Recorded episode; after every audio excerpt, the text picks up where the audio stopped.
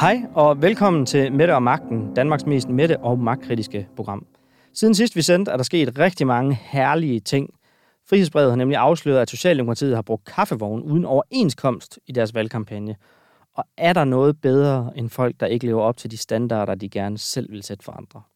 Ikke hvis du spørger mig.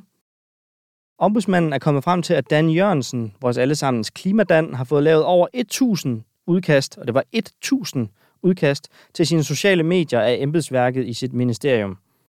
Mette Frederiksen brillerede for knap en uge siden med at gøre sig hans mulige lystig over for de journalister, der gerne vil vide, hvordan det nu ellers gik med at få lavet en regering. Her smilede hun og sagde, det er godt, I har fundet vintertøjet frem. Og her kom jeg til at tænke på, hvad blev der af alt det der med, at det var super ejendomligt med et folketingsvalg med alle de kriser, vi står i? Der er stadigvæk krig i Europa, der er inflation, den er fuldstændig røv og nøgler, den stiger og stiger. Vi aner ikke, hvem der sprang gasledningen i stykker lige ved siden af Bornholm. Der ligger en ulæst NATO-rapport med skærpet kritik af et forsvar, som også kunne være meget lækkert at få gjort noget ved. Er I ikke søde at få dannet en regering snart? Nu skal jeg nok klappe i, så vi kan komme i gang. Vi får en masse gæster i dag. Jeg er din nye vært. Mit navn er Nikolaj Dandanel.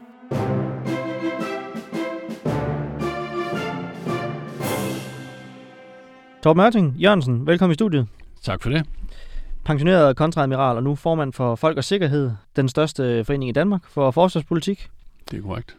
Vi begynder med den her meget, meget mystiske, og det er så mine ord, NATO-rapport, som har floreret i, i valgkampen, fordi at det er egentlig bare en rapport, som udkommer hver andet år, og som er ligesom NATO's besøg på, hvordan står det til med det danske forsvar.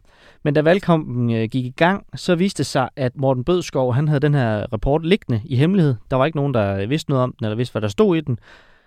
Um, og så lige med det samme, så blev der allerede spekuleret i, altså bliver den gemt, fordi man ikke vil tale om forsvaret i en valgkamp, hvor det ellers øh, lader til at gå nogenlunde med at tale om det, man gerne vil tale om. Men den første forklaring, det var, at forligskredsen, de skulle have muligheden for at læse den først, og derfor så gemte man den til det. Men øh, det var forligskredsen bare ikke enige i. De ville alle sammen gerne have den frem. Så den næste forklaring, det var, at øh, Morten Bødskov, han sagde til mig, da jeg fangede ham på gaden i Kolding, at han kunne slet ikke offentliggøre den, fordi han kunne ikke bruge sit embedsværk, mens der var valgkamp. Det kunne han så åbenbart godt, fordi lige pludselig så blev den jo øh, gjort tilgængelig for forsvarsordførende øh, alligevel, og vi fik også agtindsigt i den her hos, øh, hos os.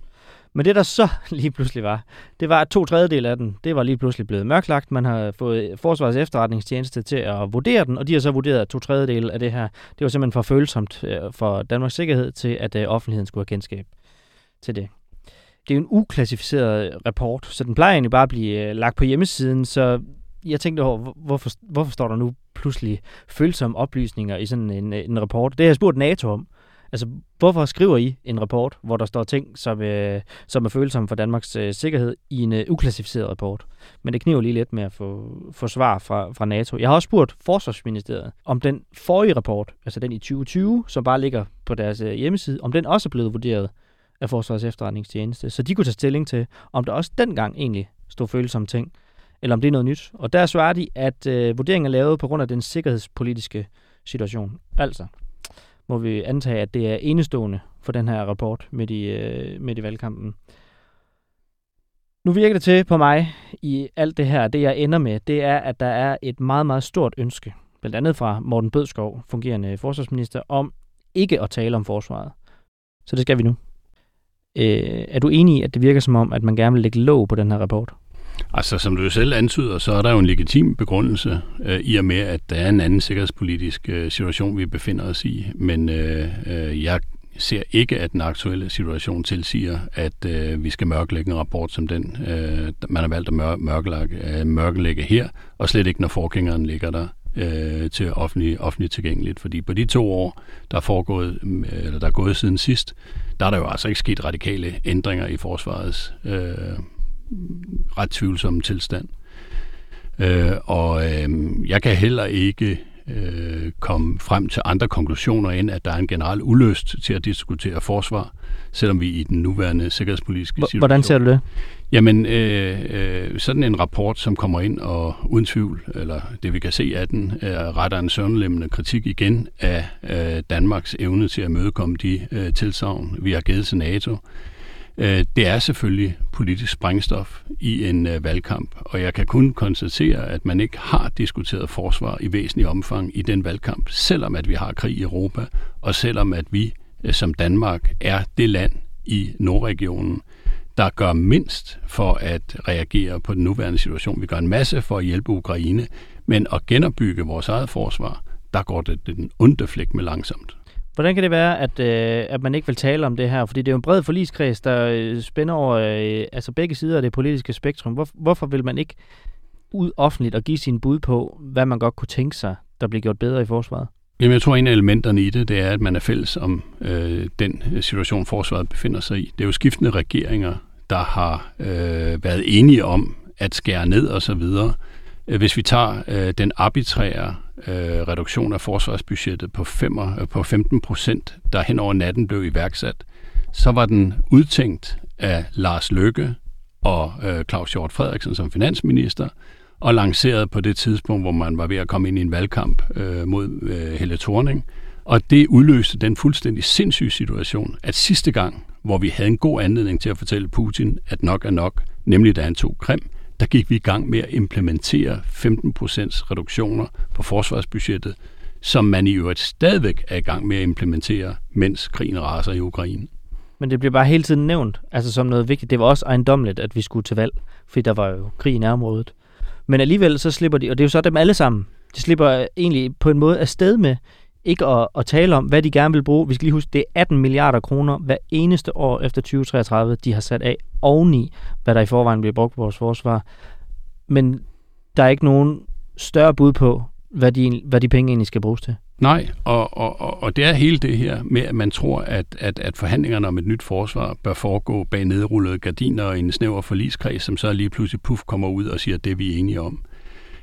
Og sådan er virkeligheden jo ikke. Øh, danske borgere er jo oplyst om, hvad der foregår. Danske borgere kan stort set ved selvsyn se, øh, hvor utilstrækkeligt det danske forsvar er. Vi har haft to bataljoner sendt til, til Letland, og når den sidste kommer hjem efter den her rotation, så er der tomt i hæren. Altså det vil sige, at vi har en, en hær, der er i stand til at producere to udsendelser af en kampbataljon, og så er det slut det er jo ikke nok til, at vi kan føle os trygge og, og, og godt tilpas, øh, tilpas i Danmark. Så der er så meget at diskutere i talesætte. Og, det, og, det, og vi er, hvor vi er. Det er, ikke, det er ikke nogen kritik af den tilstand, vi befinder os i. Nu er du jo meget inde omkring forsvaret. Ikke? I, den, I den store offentlige debat, altså, det var jo ikke gået, hvis det var sygehusvæsenet, der havde alle de her ting. Altså, hvor, hvorfor, hvorfor bliver det øh, ved, hvad det nu engang er? Altså nærmest ingen konkrete løsninger, når det kommer til forsvaret? Jamen det hænger jo blandt andet sammen med, at, at man øh, for det første har opbygget en struktur i forsvaret, hvor du har øh, etableret så mange styrelser, at ingen samlet set har overblik over, hvad der egentlig foregår derinde. Altså, øh, du har en ledelsesstruktur i, øh, i forsvaret, som, eller i forsvarsministeriets område, som er tvivlsom, hvis du vil have en enstrenget og, og, og agerende kraftig ledelse af, af forsvaret, så skulle du måske kigge tilbage på det forsvarsstruktur, vi havde tidligere. Det er den ene ting. Den anden ting, det er, at, at vi har jo også fået udviklet en tradition for, at dem, der ved om det her, nemlig dem, der bærer uniform, af en eller anden besynderlig årsag, synes ikke at have en mening om noget som helst. Der er skabt en kultur om, at man ikke kan sige noget, fordi det er farligt når du nu siger det her med, at der er ikke nogen i øh, hele det her system, som tør at tage bladet fra munden, så kommer jeg til at tænke på, at øh, vi er jo med det kritiske, og dermed også kritiske over for den regering, der lige har været. Og så kommer jeg til at tænke på, at Trine Bramsen udpegede jo en forsvarschef, som har givet et interview. Det var til Ritzau, og der skulle hun sidde med øh, ved siden af. Altså, har du noget indtryk af, at, øh, at det er blevet værre under den regering, der lige har været? Nej, jeg, jeg, jeg tror ikke, at det er blevet, det er blevet værre eller, eller anderledes. Der er ikke nogen tvivl om, at, at, at hvis, man, hvis man selv, som jeg havde indtryk af, at øh, forsvarsminister Trine Bremsen egentlig opfattede sig selv som en slags overgeneral. Det var hende, der tog interviewerne, det var hende, der rejste ud, det var hende, der var ude at besøge soldaterne osv., og hvor forsvarschefen fik en langt mere tilbagetrukken rolle det er jo sådan noget, der beruser. Altså, det er jo sådan noget, som, som enhver politiker nyder. Jeg er ude til internationale konferencer, jeg taler med mine amerikanske kollegaer, vi sender styrkebidrag til højre og venstre. Men det er jo bare ikke det, der er behov for i dag. I dag er det den kedelige, men nødvendige opgave, at vi skal forsvare Danmark og dansk nærområde. Hele kongeriget Danmark og dansk nærområde når man nu hører alt det, det, det er næsten hele tiden dunder, der bliver talt om øh, forsvaret. Altså det er skidt, og det er kritik, og det er kritik, og det er kritik. Man får sådan helt indtryk af, at hvis øh, Slesvig Holstens Tivoli Garden, de vil efter, så tager vi. Altså hvem, Danmarks forsvar, hvem kan vi slå? Jamen jeg vil, jamen, jeg vil ikke. Altså vi, vi har det forsvar, vi har. Øh, enhed for enhed, soldat for soldat, pilot for pilot, øh, sømand for sømand, er vi absolut godt kørende. Vi har dygtige folk og engagerede folk, der løser deres opgave. Der er bare for få. Og der er bare for få, og vi har ikke alle de kapaciteter, vi skal have. Og du har talt lidt om, hvad der skal til, og øh, også lidt om, hvad du, hvad du håber på, og det, nu er jeg ked af at slutte en lille smule uopbyggeligt. Øh, jeg, jeg kaldte tidligere det her program på, at jeg håber, der snart af en eller anden karakter bliver dannet en øh, regering, så man kan tage fat i nogle af alle de her ting. Hvad frygter du, der sker, når de vender tilbage? Jamen, jeg frygter, at man i forhandlingerne bliver enige om, at forsvarspolitik, det er ikke noget, vi gider at diskutere, fordi der er ikke nogen gode historier forbundet med det. Det er, det er, det er negativt. Det ønsker vi i virkeligheden at fastholde i den her lille lukkede kreds af nedrullede gardiner, hvor forligskredsen er siddet blevet enige om det ene og det andet. Er det også det, du tror, der kommer til at ske? Jeg frygter, at det kommer til at ske, og hvis det kommer til at ske, så kan jeg bare konstatere, at det, øh, den impuls, der skal til for at ændre på tilstanden, den vil ikke være til stede, fordi der er ikke interesseorganisationer som Folk og Sikkerhed, øh, de dygtige officerer, som har mod til at blande sig i debatten, der kan komme ind og præge diskussionen om, hvad det er for et forsvar, vi skal have. Og vi skal have et helt andet forsvar, end det vi har i dag.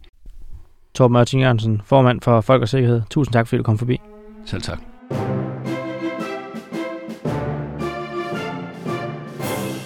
Nu skal vi prøve at teste en magtpåstand. Fordi at øh, Danmarks Radio, de skulle have en øh, lidt federe app, og så er de nødt til at lukke øh, detektor, og så må vi jo prøve at se, om vi kan fylde de store sko en lille bit smule ud. Lige nu, så er der jo radiotavshed for alle de politikere, som stadigvæk klynger sig en lille smule til håbet om at, at komme med i en regering med dem, de lige har brugt fire måneder på at, at svine til. Så vi skal gøre et forsøg på at teste en påstand på en af dem, der virkelig har magt. Eller hvad? Fordi i begyndelsen af den her uge, der øh, var den administrerende direktør for Dansk Industri, Lars Sandal Sørensen, over det hele i medierne. Han gjorde nemlig det meget, meget usædvanligt at blande sig, som han selv siger. Han øh, opfordrede til en bred regering i regeringsforhandlingerne, og det var, som vi nu plejer at sige i, øh, som journalister, øh, opsigtsvækkende, når vi skal tale historien en lille smule op. Han indleder med at skrive, citat, Jeg blander mig normalt ikke i den slags, og det skal vi nu tage under lup. Dagens indblandingsekspert, det er dig, Christoffer Fellersgaard. Velkommen til. Tusind tak. Du har lavet en PhD, som under over fem år undersøgt, hvem de mest indflydelsesrige mennesker i Danmark er. Og I har screenet royale baller, jagter, bestyrelser, fonde og alle mulige andre steder, hvor magten mødes med hinanden. Og så har I fundet lidt over 37.000 mennesker, som I har studeret. I har kortlagt dem, og I er endt med en liste på de 423 mest indflydelsesrige mennesker i Danmark. Det kom der den her PhD ud af, og i øvrigt også en øh, fremragende bog, som jeg kun kan, kan anbefale tilbage i 2015. På den måde, så er du jo overordnet øh, kvalificeret til at sige noget om, hvem er noget med musikken. Og også teste den her påstand. Og nu kan jeg ikke huske, hvordan øh, Detektor de, de, øh, de spurgte deres gæster sådan helt indledningsvis, men den her påstand, normalt blander jeg mig ikke. Øh, hvis det handler om, at dansk industri normalt ikke blander sig i politik, så er det i hvert fald meget forkert. Om dansk industri traditionelt set har haft øh, en mening om præcis, hvad øh, regeringsdannelsen skulle være, har nok øh, været mere åbent, men vi ved jo sådan tilbage i tiden også, at erhvervsledere med tilknytning til for eksempel dansk industri er kommet med ret konkrete forslag til regeringsdannelsen, så, øh, og hvem der kunne være potentielle ministre og, og lignende. Så øh, en historie om, at erhvervslivet ikke også har en, en mening om, hvordan regeringen skal se ud, øh, den, den, den, den holder ikke ved nærmere detektortjek. Men hvis vi nu skal prøve at, så, at gøre det en lille smule konkret, altså hvordan blander de sig, når de blander sig? Det, for, for det første er de en af de vigtige sponsorer af øh, Blå Blok. Øh, eller, og særligt øh, de konservative og venstre, hvis jeg husker rigtigt. Nogle af dem, som dukker op på de her lister, som vi kan se, det er nogle af dem, der giver i hvert fald over 20.000 og giver det hvert eneste år. Så man kan sige, øh, for det første, det skal man selvfølgelig også, når man læser det her udsagn, huske, at det er en sponsor, der er ude og fortælle dem, han sponsorerer, hvad han synes, de skal gøre. Du har været ude at sige, at det her det er en hovedsponsor, som vil have noget mere for sine penge. Det, det kan man i hvert fald sige, eller i hvert fald vil have øh, noget bestemt for sine penge, som er, øh, som er nogle stemmer, der faktisk arbejder. Øh, eller, altså, man vil have nogen, der, der, der søger kompromis, og ikke bare går i, hvad kan man sige, går i opposition til Mette Frederiksen og går i gang med at modarbejde alt, hvad regeringen laver. Fordi man kan sige, at det store erhvervslivs primære interesse er i virkeligheden stabilitet. De beskæftiger sig jo ikke kun med virksomheder. Altså de har, hvis man går ind på deres hjemmeside, de har uendelig meget politik. De har 20-30 planer og beregninger og alle mulige andre ting. Hvis vi nu skal tage Lars Sandal Sørensen, Ja. øh, i jeres kortlægning, den har nogle år på banen. Hvis du nu skal prøve i dag, altså fra hoften her, øh, Hvad kan, hvor rangerer han over de mest magtfulde mennesker i Danmark? Øhm, han rangerer helt op i toppen. Øh, da vi lavede kortlægningen sidste gang, der var den daværende administrerende direktør i DI, som hed Carsten Dybvad, som i øvrigt var tidligere departementchef i både statsministeriet og finansministeriet. Han var den, den, der havde næst flest forbindelser. Det kan man ikke nødvendigvis tolke som om, han er den næst mest magtfulde, men, øhm, men, men, øh, men han sad med virkelig, virkelig mange steder. Og hvad der er mere interessant var også, at Udover ham, så var der 10 andre DI-ansatte blandt de her cirka 400 mennesker, vi havde kigget på. Øh, så vi gjorde det til en af de sådan, vigtigste organisationer. Det er på niveau med de store politiske partier, for eksempel.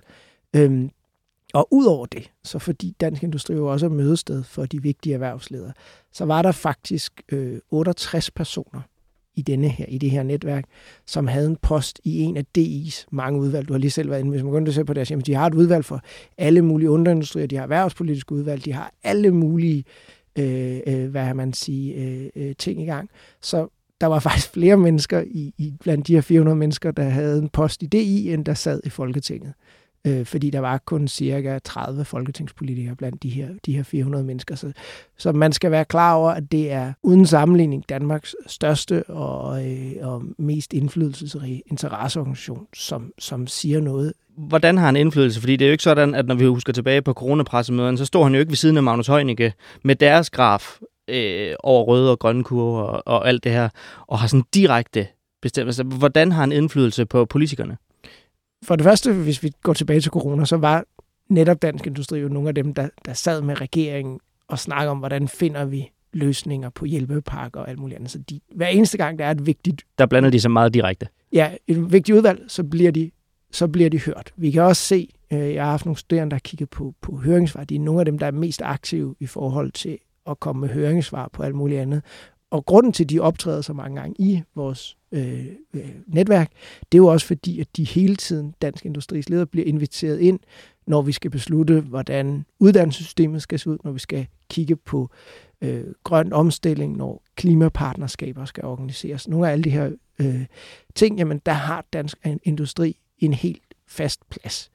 Øh, og man kan sige, at grunden til, at de har den plads, det er jo også fordi, det er jo, det er jo på en eller anden måde, det er den måde, vi har satset på, at Danmark skal vinde fremad, det er jo ved industrieksporten.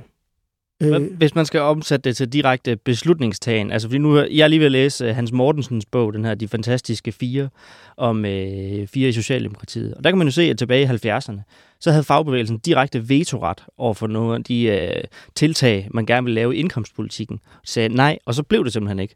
Altså hvis dansk industri går til nogle af magtpartierne og siger, at det her, det gør I ikke. Altså er det så så konkret, at så gør de det ikke? Jeg tror måske mere, man skal tænke det som, så tænker de sig virkelig, virkelig godt om. Fordi så er man klar over, at her er man ude i at øh, irritere en, en, en modstander, som også virkelig har ressourcerne til at pumpe rapporter og alt muligt andet ud til, til at, øh, at modarbejde det her. Og det gør jo også gør for eksempel, at, at, at man ligesom kan sige, at nu vil store danske industrivirksomheder begynde at flytte investeringer ud af Danmark eller lignende. Øh, så, så på den måde kan man sige, jeg ved ikke om de direkte, som det konkret var, man kan sige, der i, i, i 60'erne og 70'erne, hvor fagbevægelsen sad med til møderne. Men nogle gange, så kan man sige, der er i hvert fald rigelig mulighed for, at de vigtige borgerlige politikere, og sådan set også socialdemokrater, mødes med folk, der er centralt placeret i dansk industri, og ved, hvad de mener. Altså, du behøver jo ikke nødvendigvis sidde med til mødet, så længe dem, der sidder med til mødet, er klar over, hvad dine interesser er, og de også godt ved, at hvis de går imod dem, så kommer det til at gå dårligt. Øh, så, så det er jo også mere sådan en magt, hvor man kan sige, at, at dansk industri jo godt ved, hvis de går ud og siger, i noget, det her det er virkelig skadeligt for dansk erhvervsliv, konkurrenceevne. Det er noget af det næste, jeg, tænkte på, fordi om vi måske lige kunne aflive den værste spekulation om, at når man så som politiker lytter til dansk industri, er det så fordi, at at de er nogle af dem, som har allerflest øh, ansatte øh, nede længere, altså i selve samfundet. Altså de rent faktisk øh, taler på vegne af en meget, meget stor del af samfundet. Eller er det fordi, man er bange for, at der er en stor bidragsyder, som, øh, som trækker stikket, hvis ikke man gør, hvad der bliver sagt? Der har det danske institution, at det er begge dele. Så nogle gange er det, fordi man i hvert fald repræsenterer en stor del af den økonomiske aktivitet i samfundet. Og nogle gange er det, fordi man er en vigtig sponsor. Så måske nogle gange, hvor man tænker, det her kan godt være, at, at, at de smører lidt tyk på her i forhold til, hvor store konsekvenser det vil få for, for, for samfundet som helhed. Men det er jo også en, en vigtig alliancepartner, fordi de støtter os, øh, fordi de støtter os økonomisk. Så på den måde kan man sige, at det er jo sådan en, en kombination af, at man både har en, en vigtig betydning i økonomien, og man også helt konkret har en stærk relation til nogle partier, fordi man støtter dem, og der kan det også godt lidt være høn eller ikke. Har partierne den her holdning, fordi de bliver støttet økonomisk, eller støtter dansk industri de her partier økonomisk, fordi de i forvejen har denne her ideologiske holdning. Så på den måde kan man sige, øh, men det giver jo i hvert fald en, en fordel til nogle af de her partier. Altså vi kan se, de konservative har selv i de her perioder, hvor de jo ikke har klaret sig så godt til valgene, været blandt de partier, der har haft de største øh, kampagnebudgetter. Ja, altså en ting, jeg øh, fandt op til det her, det var, at Benny Damsgaard på et tidspunkt, øh, som tidligere har været ansat i konservative, har lavet øh, kampagner og, og rådgivning derinde. Han har skrevet i Altinget, at dansk industri øh, donerede øh, til Venstre og konservative mere, altså i 2019, mere end alle de andre donorer til sammen. Så det, det er en, en vægtig spiller, der er ude og sige, at de ikke blander sig normalt her. Ja, altså, og det er også det, der bliver lidt... Øh, sådan, det bliver jo nærmest lidt komisk aliagtigt, øh, at, at man siger, at man ikke, hvis det skal forstås sådan, at man ikke blander sig i politik, når man er, netop er, er, er, er, øh, er, er hovedsponsor. Og i virkeligheden jo også, man kan sige, hvis man ikke som leder af en stor interesseorganisation, så kan man sige, at det at sige, at man ikke blander sig i politik, er jo nærmest at sige, at man ikke gør sit arbejde. Øh, ja, ja. Altså, øh, der er vel ikke, det er sådan min næste, der er vel ikke nødvendigvis noget problematisk i, at de blander sig, eller hvad? Altså, har de for meget magt? Man kan sige, det der kan være problemet for eksempel i dansk industri, det er jo, at øh, de repræsenterer stadig en bestemt del af erhvervslivet, en bestemt del af samfundsøkonomien, og de er meget domineret af de store virksomheder. Så det vil sige, at vi risikerer måske også at få et fokus på, hvad særligt hvad de hvad der er de store virksomheders bekymringer, de stærkeste spillere i, i erhvervslivet, hvorimod de, øh, de små selvstændige eller små og mellemstore virksomheder kan blive ramt på en anden måde. Det var måske også noget, det vi lidt så under øh, corona, ikke? At, at, at de store virksomheder gled i virkeligheden igennem uden problemer, men, men der var mange af de små virksomheder, som, som, hvor, som virkelig blev presset på alle mulige måder. Så, så, så, så der kan i hvert fald være en risiko for, at der er nogen nogen interesse eller fokus på noget, som ligesom glider lidt hen, fordi at dansk industri er så, er så stærke, at de kommer til at, at skygge lidt for, for, for, hvad man siger, for resten af, af, øh, af erhvervslivet. Og det kan for eksempel være, altså et af de steder, hvor det måske også kan være et problem, det er på, på, på klimaområdet, fordi der jo også i dansk industri jo er Aalborg Portland, er Danish Crown, er nogle af de her stadig virksomheder, som, som man kan sige, som virkelig øh, øh, har et, et relativt tungt øh, CO2-aftryk, og der hænger dansk industri altså i bremsen i forhold til, og, og ligesom, at vi kommer øh, øh, hele vejen i mål. Fordi problemet er jo også, at så kan man sige, dem der så er med i, i, i inderkredsen af de vigtige organisationer i dansk industri, kan jo på en eller anden måde ligesom øh, begrænse, hvor meget dansk industri. Så i virkeligheden kommer der også nogle konflikter. Vi har faktisk set sådan en, en virksomhed som Vestas forlade dansk industri og går i dansk erhverv. Min fortolkning, fordi de synes, at dansk industri simpelthen var for, for nølende på, på klimaområdet.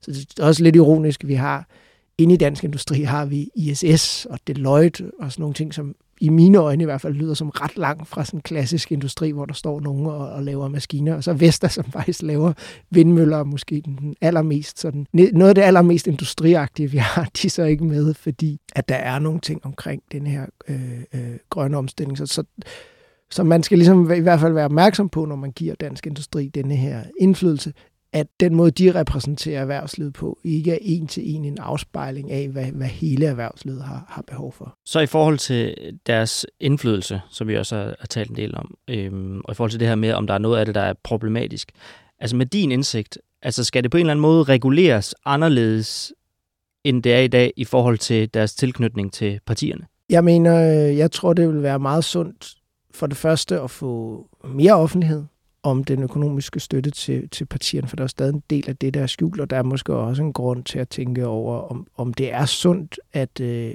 at partiers kampagnebudget afhænger af, hvor rige dem, de, eller deres sponsorer er, så i virkeligheden kan man sige, man kunne sagtens sætte øh, begrænsninger på partistøtte. Så det skal være nemmere at se, hvem der betaler for alle deres reklamer, alle deres videoer, alle deres analyser og alt det benarbejde, der nu øh, følger med i en valgkamp?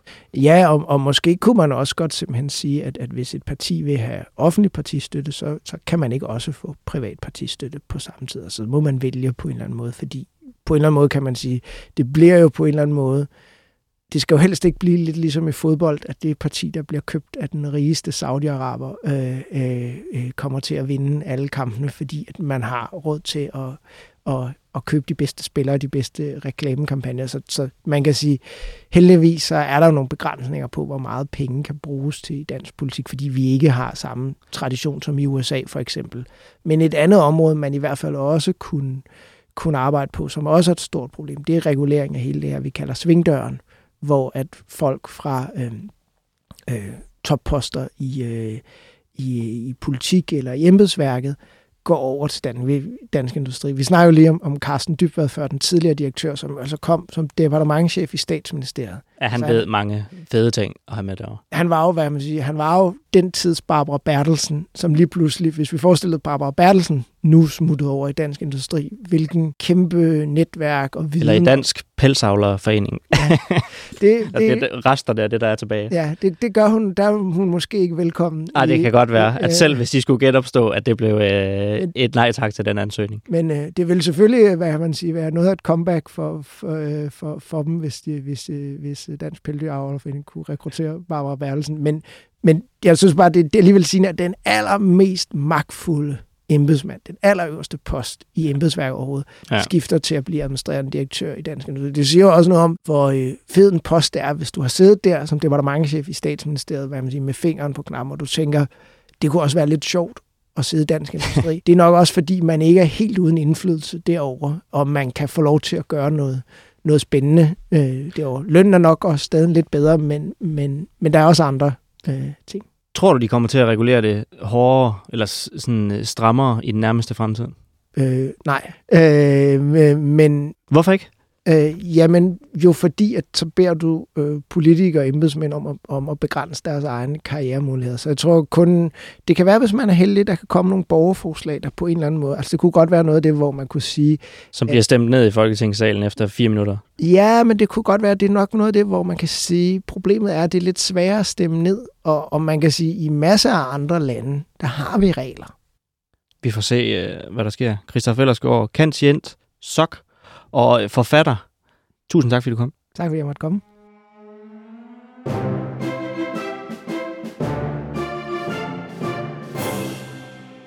Vi øh, vender blikket et øjeblik fra magtkritikken og så over på Mette kritikken, fordi nu skal vi, øh, nu skal vi tale om øh, nogen, som også har forsøgt sig med Mette-kritik, og dem vil jeg rigtig gerne have talt med og udfordret om det. Øh, vi skal nemlig tale om Blå Bloks falderet forsøg på at vinde valget på Mette-kritik. Og jeg har i flere dage forsøgt at få øh, en af de to statsministerpartier, Venstre og Konservativ, til at være med til at tale om øh, det her. Hvad, hvad vil de egentlig gerne lave om, når de kritiserer magtudøvelsen fra statsministeriet. Men det er der altså ikke øh, nogen, der har takket jer til. Så derfor så kan jeg sige øh, pænt velkommen til dig, Jesper Olsen. Tak skal du have. Formand for Transparency International i Danmark, der arbejder for mindre korruption og mere gennemsigtighed.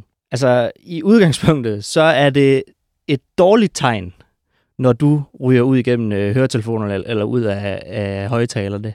Men jeg synes, jeg synes, du er meget på på det seneste. Er det, er det helt forkert? Det er slet ikke helt forkert. Og øh, da vi startede valgkampen, normalt når der er valgkamp, så plejer vi ikke at have særligt travlt, fordi så taler partierne om politik. I år havde vi helt vildt travlt under valgkampen, og øh, det ser jeg i virkeligheden ikke som noget godt tegn for demokratiet. Hvad siger det dig? Det siger jo, at nogle af de temaer, som vi går ind øh, i, og som vi arbejder for, nemlig øh, at øh, hindre magtmisbrug, øh, manglende åbenhed og sådan noget, at det jo var temaer i den her, øh, i den her valgkamp. Øh, øh, manglende åbenhed om privat partistøtte for eksempel. FE-sagen øh, var jo eksploderet jo også midt under Altså vi så, bare lige for at tage fat i den, vi så midt under valgkampen frihedsbrevets meget, meget fra et journalistisk synspunkt fantastiske øh, eksperiment, hvor de fik øh, Mads Dinesen til at ringe til dem alle sammen og tilbyde dem 50.000 kroner, hvis bare det var anonymt. Og det var næsten alle sammen, der, Ja. der faldt i. Og det der jo var det, det var der jo sådan set var det, var, var det forfærdelige, det var jo sådan set, at det eksperiment, det beviste det, vi har gået og sagt. Det, det også bare beviste, det var, at det var dem alle sammen. Og der, derfor står vi jo sådan set i den situation, at kommer der så til at blive gjort noget ved det? Nej, det gør der ikke, for det er altid nemt at kaste sig over en, som Britt Bager efter sidste øh, valgkamp, men nu her viste det sig jo sådan set, at det var dem alle sammen, der kunne Britt Bager finde den. Og så øh, står vi sådan set faktisk med den situation, at øh, den, da de alle sammen har problemet, så er der ikke nogen, der vil gøre noget ved det. Men det er så i selve valgkampen. I regeringsperioden, der lige er overstået med uh, ren socialdemokratisk regering, der har du også været meget på. Ja. Skyldes det på nogen måde, at Blå Blok har en lille smule ret, når de siger, at Mette Frederiksen er, er for magtfuldkommen? Blå Blok har ret i, at vi har set nogle ting øh, under den her regering, øh, som, øh, som ud fra sådan et, et magtkritisk synspunkt som, øh, som vores, øh, at, øh, at der har vi set en, en brug af magten til et helt nyt niveau. Og det handler specielt om den måde, at man har centraliseret øh, magten og decentraliseret ansvaret i, øh, i regeringen. Så der synes jeg, at de har en, en pointe. Og så er det jo så, det er interessant. Blå Blok, de øh, kritiserer Mette Frederiksen fuldstændig sønder og sammen for hendes magtfuldkommenhed. De råber det fra stort set alle ølkasser, de kan støve sammen i hele Danmark på deres, øh, deres kampagne. Hun ender med at få klart flest øh, stemmer. Altså, hvorfor fejler den strategi for Blå Blok? Den fejler, fordi det ikke er noget, som vælgerne går op i. Vi er De er ligeglade. jeg ved ikke, om, om vælgerne er ligeglade, men der er en polarisering i den politiske debat. Og det vil sige, at man nogle af de angreb, der har været omkring magtfuldkommenhed den ene vej eller, eller den anden vej, øh, de bliver sådan set i virkeligheden mere set som værende hvad sådan noget underlødige personangreb, end man egentlig ser det som, øh, som, som, som substans. Så det mener jeg sådan set er den ene ting. Og det andet problem øh, for, at det ikke blev... Jeg tror sådan set, man havde overvurderet, hvor, hvor meget man kan tale om det, uden selv at komme op med, hvad var det så, på hvilken måde var det, man ville have gjort øh, det anderledes. For jeg tror, der er mange vælgere, der sidder lidt med den der holdning, eller den der opfattelse af, den ene har ikke noget at lade den anden høre. Og, øh, og, og, så, og så bliver det rigtig øh, så bliver det rigtig problematisk at skulle køre sådan en øh, køre sådan en dagsorden igennem øh, fire uger. Men hvis vi nu bare lige skal tage, fordi nogle af de sager, som har været, altså når de siger magtfuldkommenhed, i forhold til, at vælgerne øh, skulle være ligeglade. Jeg har bare lige en meget kort liste. Hvis vi skulle lave en hel liste, så ville øh, vi kunne fylde et, øh, et helt program. Det gør vi på et tidspunkt. Men øh, regeringen skjulte i et år PT-rapporten om øh, børnene i Syrien, hvor at PT vurderede, at Socialdemokratiets linje, det var en trussel for, øh, for Danmarks sikkerhed, ikke bare børnenes, men også Danmarks. Res- Regeringen besluttede på mødet i koordinationsudvalget at aflive alle mink med Mette Frederiksen for bordenden. Alle deltagere på det her møde, de fik simpelthen kollektivt hukommelsesvægt efterfølgende. Der er ikke nogen, der kan huske, hvem øh, der bragte det her med.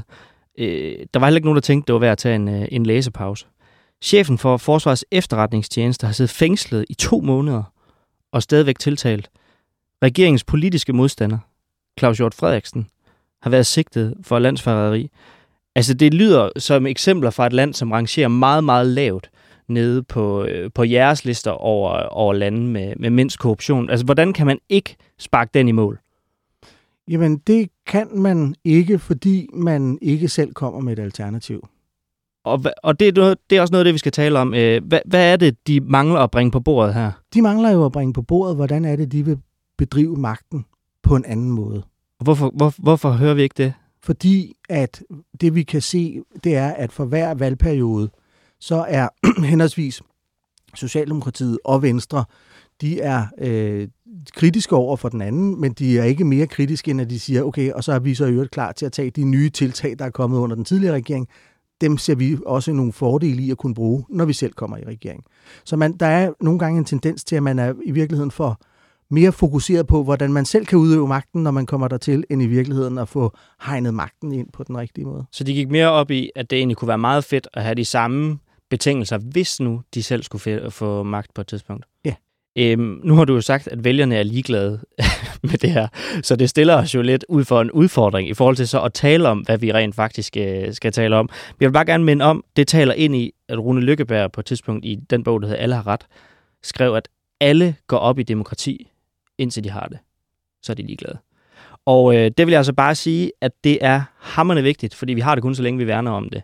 Er det, er det for, på for høj en klinge i forhold til det, vi skal stille? Nej, overhovedet ikke. Øhm, og øhm, og, og det, det, det er jo sådan set derfor, at, øh, at vi bruger rigtig meget tid på at, at stille op og deltage i aktivt i, i de her debatter. Og det handler jo om at sikre, at øh, vi får talt om, hvorfor er det, det er vigtigt. Hvorfor er det, at de her med at håndtere magten øh, og have den her transparens, og at, at magt, med magt følger også ansvar, fordi hvis ikke man gør det, så ender vi jo sådan set i virkeligheden det helt forkerte sted. Og når jeg ser på øh, resultatet af det, det her folketingsvalg, hvor at øh, der var en, der for under et år siden blev dømt 6 øh, eller 60 dages fængsel i rigsretten, som stormer ind i Folketinget. Øh, der er ingen, der siger, at vedkommende er uværdig til at sidde i Folketinget, og der var endda en diskussion om, vedkommende kunne blive minister.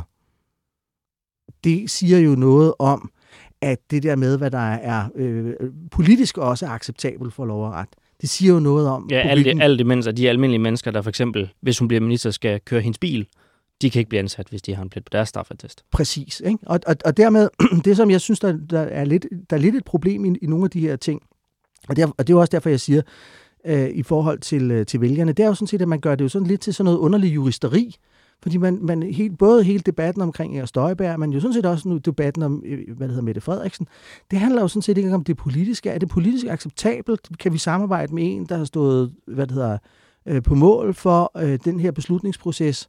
Så bliver det hele tiden sådan noget, man kan bevise det, eller skal vi anlægge en sag, eller skal vi ikke anlægge en sag? Og så bliver det sådan en underlig juridisk diskussion. Det, der burde være en diskussion, og det, som politikerne burde om jeg så må tage meget mere ansvar for, det er, synes vi, det her det er en rimelig måde at håndtere tingene på inden for lov og ret, og så tage konsekvenserne af det. Men øh, der er også den der saying om, at det er nemt at mene det rigtigt, så længe det ikke har betydning for din egen adgang til magten. Og det tror jeg, er, er der er meget sandhed i, i, i den her måde, som at øh, politikerne står ikke mere op for lov og ret, end der er noget, der er vigtigere for dem, og det er adgang til egen magt. Hvis vi så skal prøve at tage noget af det, som du foreslår, at øh, der er lavet om. Du har en øh, hel masse forslag, som du blandt andet også skrev om i, i Berlingske under, under valgkampen. Et af dem, det er, at Folketingets formand ikke længere må være fra et øh, regeringsparti. Og Folketingets formand er jo en af de diskussioner, som lige så stille begynder at, at ulme nu. Hvorfor det er en god idé at, at lave den øh, regel, hvis man kan sige sådan? Jeg synes, det er en god idé, fordi at øh, Folketinget har jo i forhold til regeringen to opgaver. Den ene er at være medlovgiver, og den anden er jo sådan set også at være kontrollant af regeringen. Og hvis der skal være nogle balancer, så øh, og at hvad skal vi sige, at Folketinget jo sådan set også skal være en ligeværdig institution i forhold til regeringsmagten, så synes jeg, at der er noget noget rigtigt i sådan en eller anden form for mindretalsbeskyttelse, at det sådan set er mindretallets, øh, en repræsentant for mindretallet, der er formand for den parlamentariske øh, forsamling. Nu skal vi huske, at Folketingets formand har jo mere sådan en get business done Øh, men, men dermed er det måske i virkeligheden også en lille smule nemmere at forfægte Folketingets og dermed mindretallenes interesse, når, hvis, hvis formanden for Folketinget ikke var fra et af de regeringsbærende partier. Men for den reelle øh, magtudøvelse, altså når du siger get business done, Altså, hvilken forskel vil helt præcist gøre, at regeringen ikke længere, øh, ligesom vi lige har set med Henrik Dam Christensen, vil have en, en formand på Folketingets øh, øverste stol?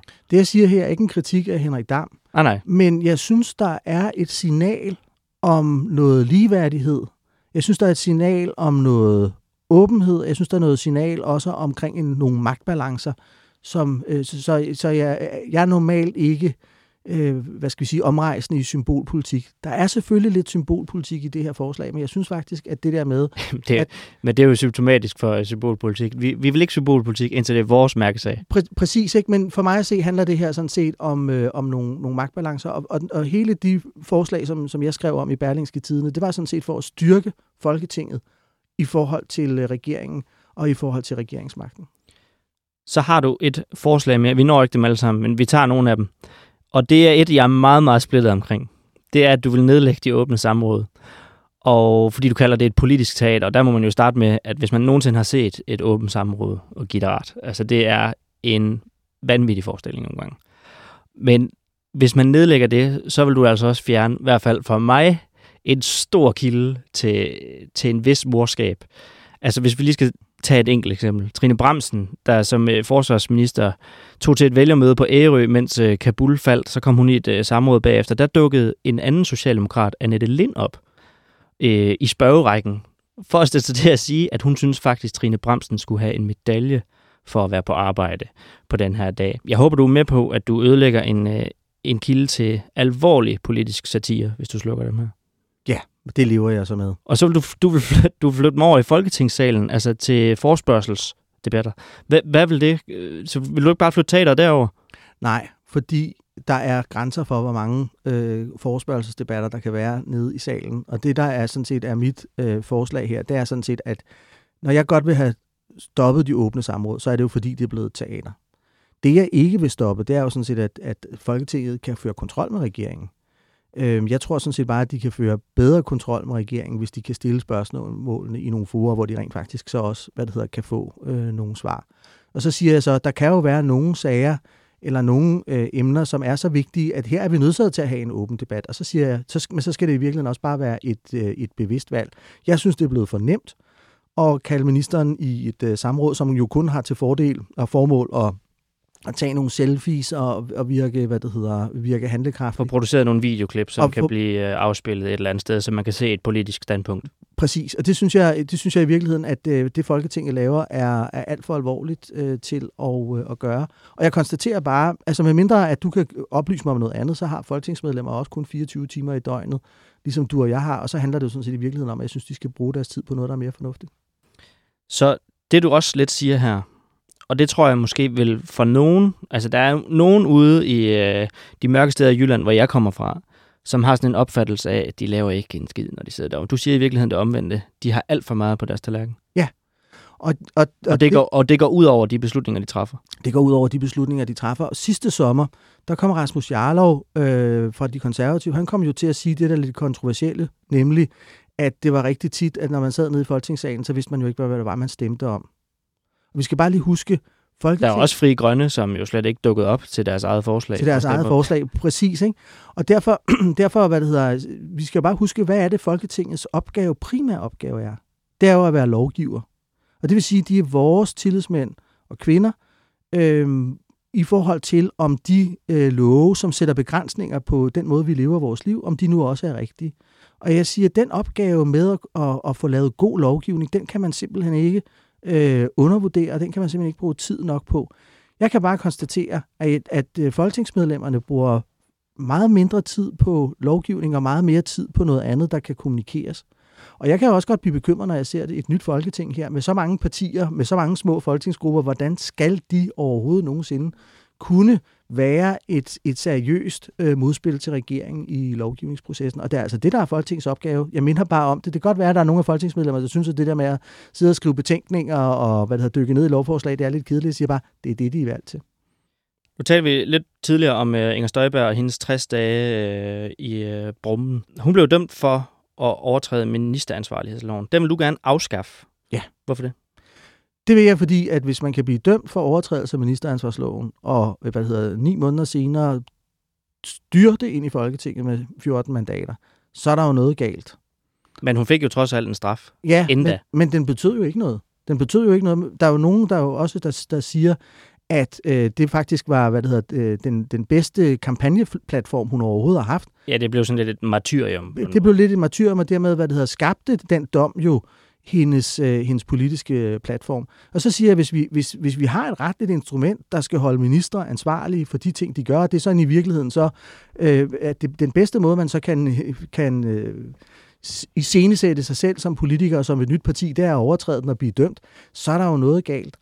Og hvis vi nu tager Inger Støjberg, så er det jo sådan set faktisk et meget godt eksempel, fordi Folketinget havde jo flere gange lejligheden til at sætte hende fra bestillingen. Der var jo rent faktisk nogle af de her, et af de her par, som gik til byretten og fik en dom for, at de var blevet adskilt ulovligt.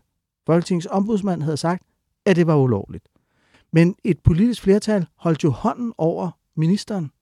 Og det vil sige, min pointe er jo sådan set i virkeligheden, at jeg synes jo, det er meget mere vigtigt, at Folketinget i virkeligheden skifter spor og begynder at håndhæve lov og ret, at det skal have en betydning, at det skal have en politisk betydning. Men det, er det ikke et tegn på, at problemet vel i virkeligheden ikke er ministeransvarlighedsloven, men det er vel det, at øh, det er Folketinget, der sidder og bestemmer, hvem der skal undersøges og for hvad?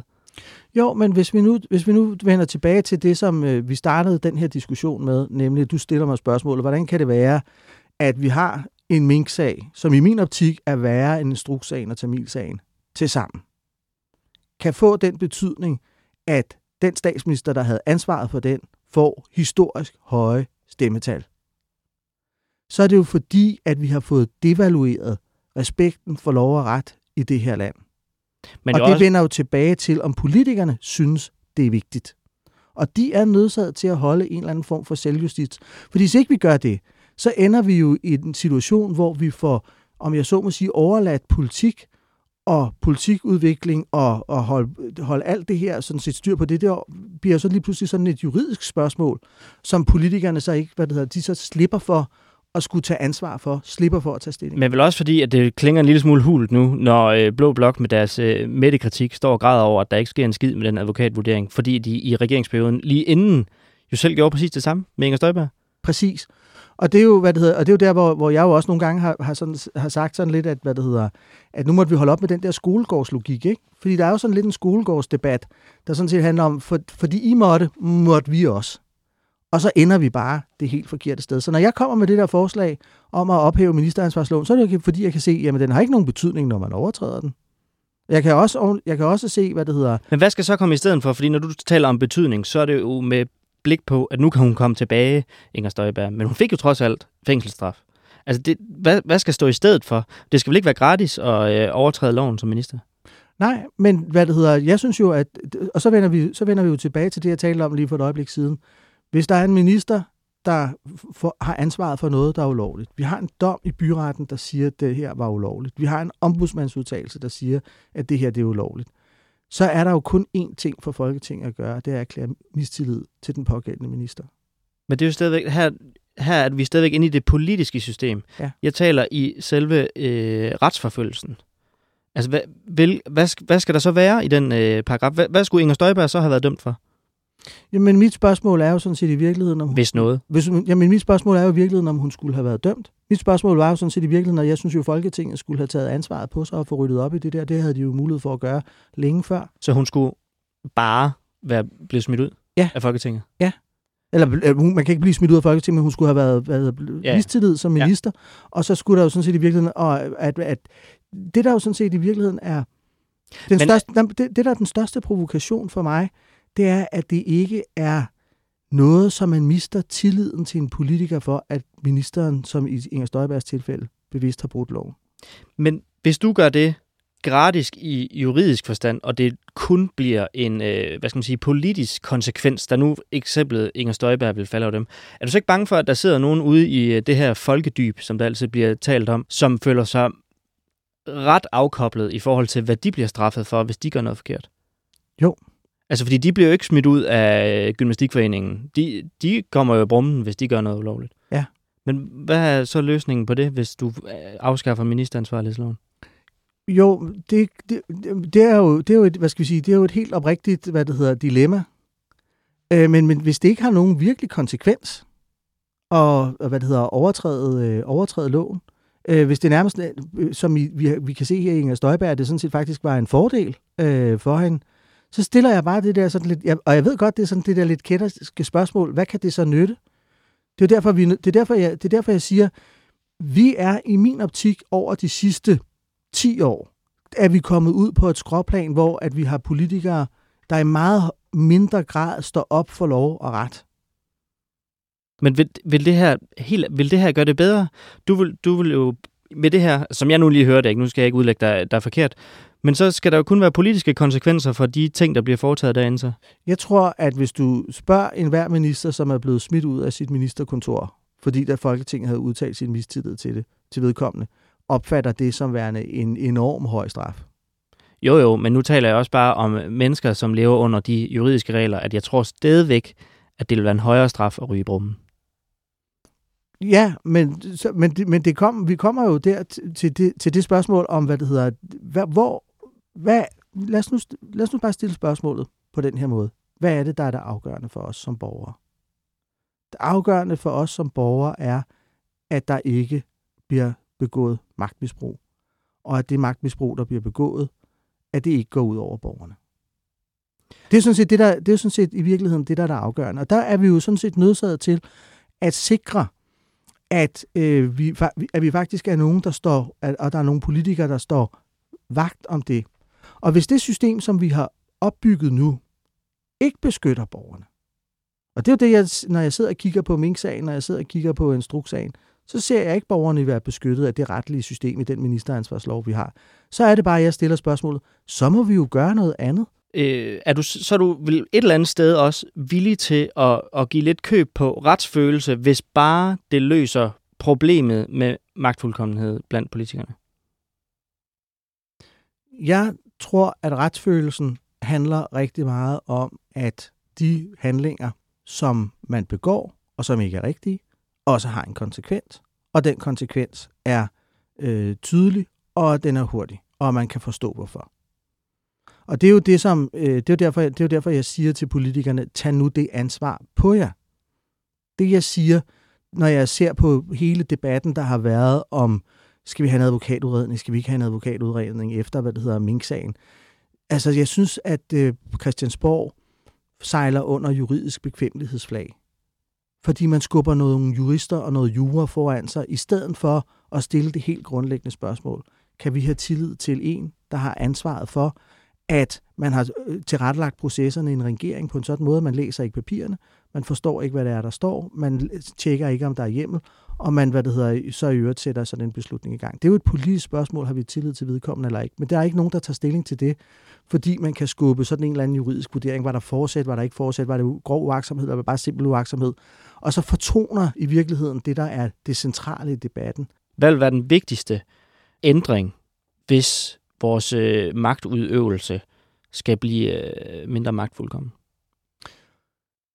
Den vigtigste er, at det igen bliver, om jeg så må sige, det politiske øh, no-go at bryde lov og ret. Og at vi i virkeligheden også får øh, sænket baren for, hvornår forskellige handlinger skal have konsekvenser. Det kan jo ikke være sådan, at det kun er, om jeg så må sige, øh, hvad det hedder, hvis man virkelig har begået noget, og, og hvad det hedder, med forsæt og det hele. I virkeligheden så handler det jo om, at vi skal have, vi skal have, have flyttet, flyttet baren for, hvornår ting skal have konsekvenser. Og der er kun 179 personer, der kan gøre det, og det er medlemmerne af Folketinget. Tusind tak for det, Jesper Olsen, formand for Transparency International i Danmark. Velbekomme.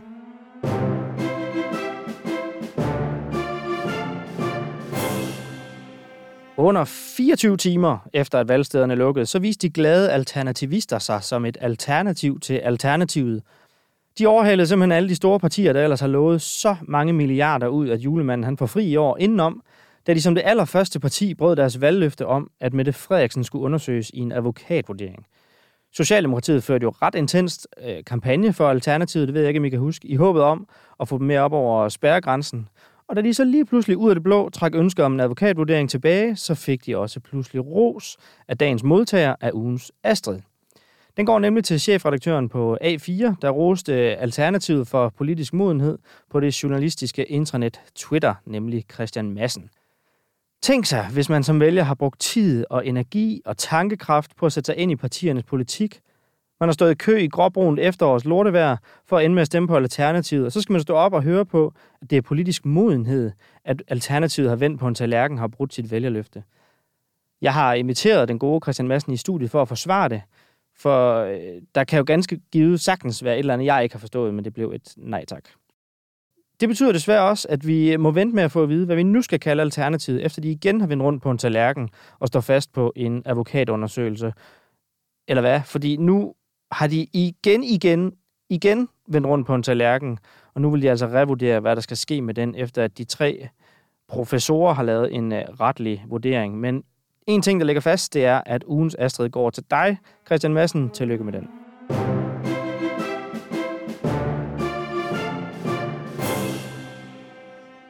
Det var det for i dag. Der er ikke mere med og magten. Det er tilbage igen om en uge. Mit navn er Nikolaj Dandanel. Og nu var det her jo mit første afsnit, så hvis der er noget undervejs, du ikke bryder dig om, så lad mig slutte af med at citere Rasmus Prehn. Det er meget menneskeligt at fejle, og i den her episode har jeg været meget menneskelig.